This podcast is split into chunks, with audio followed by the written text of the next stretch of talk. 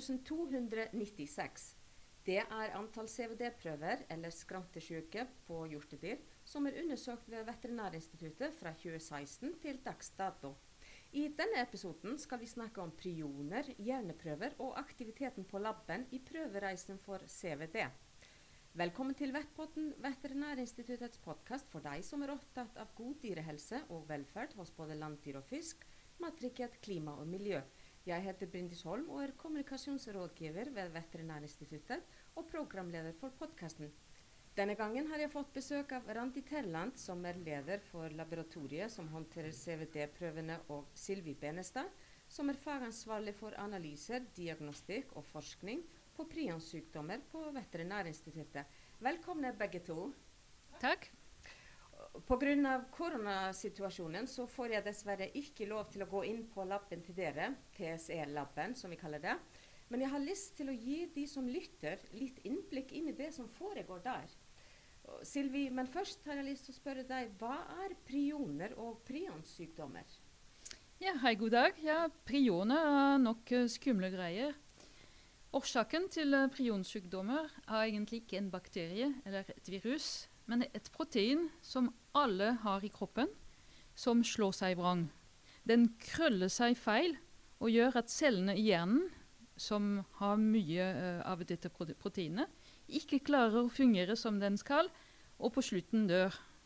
Og det skjer faktisk som en uh, kjedereaksjon i hjernen.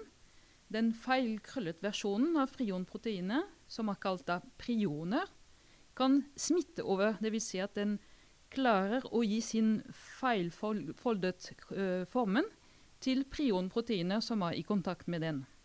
Og Det er skumle greier, fordi en prionsykdom er en slags man kan, kan si snikende uh, sykdom. Uh, den tar veldig mye tid for å utvikle seg. Så det vil si tiden mellom når du er smittet, til du utvikler tegn på sykdommen, er ikke timer eller dager men mer måneder eller år. Dyret ser helt frisk ut, men den bare smitten. Og det vil si at den kan uh, smitte andre dyr fra samme art. Så skumle greier er det, fordi dyret uh, lider en grusom død. Og spesielt fordi det ikke finnes noen behandling eller vaksine for, den, for, gangs skyld, uh, for sykdommen. Og dyret er smittet og blir aldri frisk igjen. Og det er flere dyrearter som har prionsykdommer. Og de er litt forskjellige fra hverandre, og de har forskjellige navn. Vi har for skrapesyke og scrapy på sau og geit. Og den heter uh, kugalskap, eller BSC, på sofe. Og som sagt, uh, den heter skrantesyke, eller CVD, for chronic wasting disease, og skjortedyr. Og eh, også i en, an, i en art eh, fins det flere typer av samme sykdom. F.eks.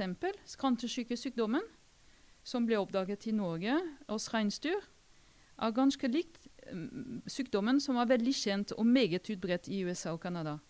Mens skrantesykesykdommen, oppdaget i Norge og Sverige og Finland hos elg, er meget forskjellig fra den varianten og ser være litt mindre smittsom enn den andre varianten. Men Ranti, hva er en eh, TSE-lab? På vår TSE-lab så analyserer vi bare prøver for prionsykdommer. Hjerneprøvene som Silvi snakket om, som kommer inn. Eh, det er eh, ganske strenge Vi har adgangskontroll, selvfølgelig. Hvem som helst kan ikke komme inn. Eh, vi har strenge regler med, med, bekledning. Vi bruker egen frakk, eh, spesielle sko selvfølgelig, og to par hansker. Og to par hansker bruker vi fordi vi, når vi sitter med disse hjerneprøvene, så kan vi bli fort litt klinete på hanskene. Og da tar vi av det ytterste paret, sånn at vi alltid har ett par. Og så tar selvfølgelig på et nytt nummer to. Eh, og det er strenge regler for eh, dekontaminering, eh, så vi kan ikke ta ut ting fra laben uten at det er dekontaminert. Og så er det sånn at Hvis jeg ønsker å komme på besøk til dere, så kan jeg ikke gå rett inn på laben. Hvorfor det? Nei. Eh, du må først lese et skriv vi har laget eh, med litt informasjon om prionsykdommer og farerisikoer. Og så må du signere på at du har lest og forstått. Du må selvfølgelig følges av en av oss. Og så må du skifte til den bekledningen som jeg nevnte. Men Sylvi, hva slags prøver er det som kommer inn til dere?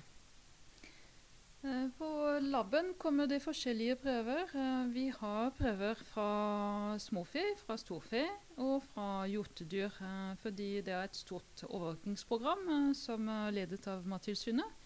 Og alle prøvene analyseres hos oss.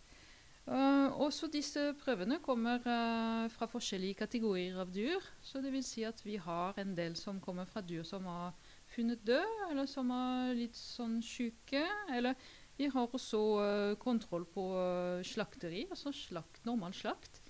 Og siden uh, skrantesyke har oppdaget her, uh, vi har også prøver fra jaktede dyr, hjortedyr. Og hva er det dere ser etter i disse prøvene?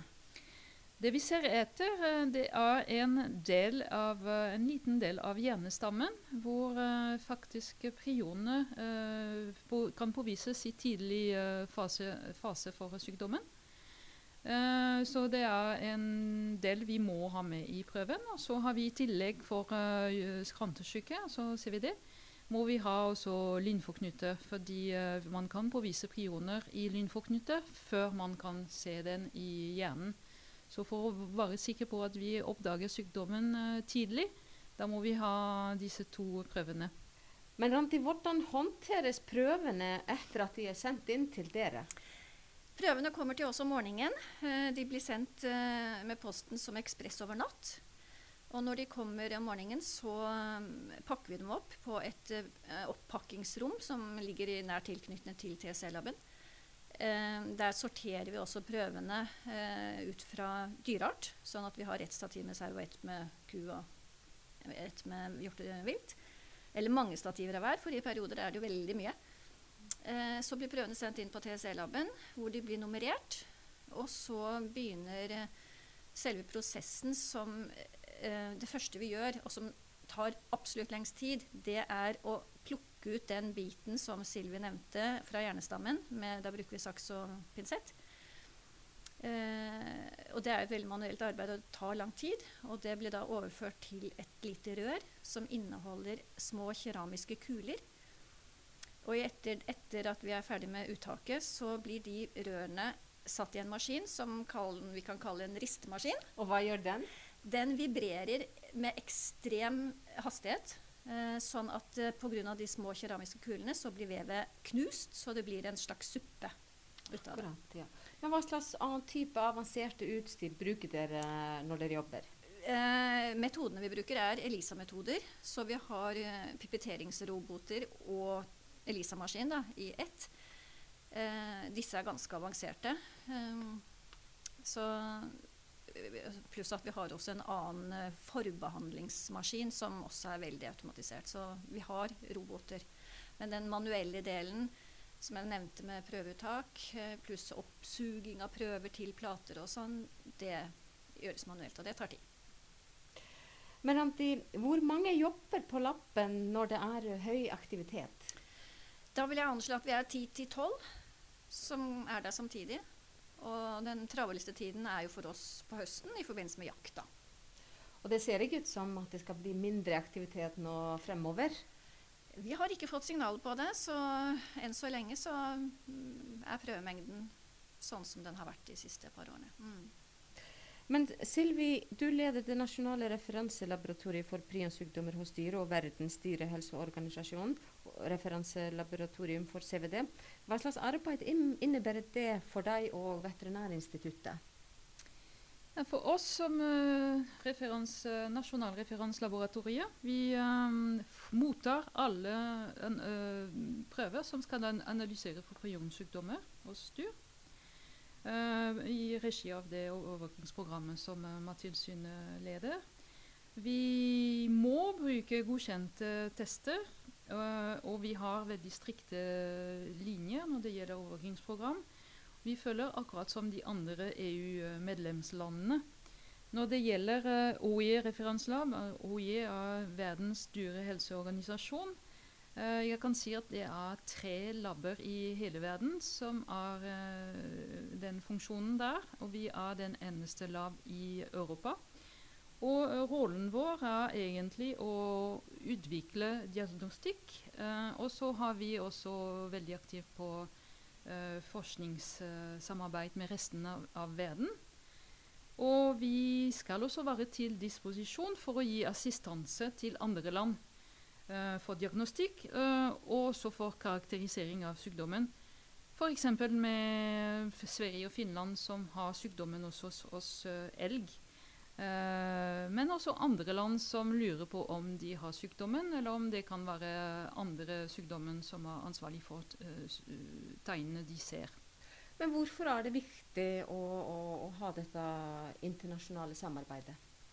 Det er veldig viktig fordi uh, siden vi oppdaget skantesyke i 2016, i, for første gang i Europa, vi har selvfølgelig jobbet med skrapsyke og BSE fra før, så vi var kjent med prionsykdommer.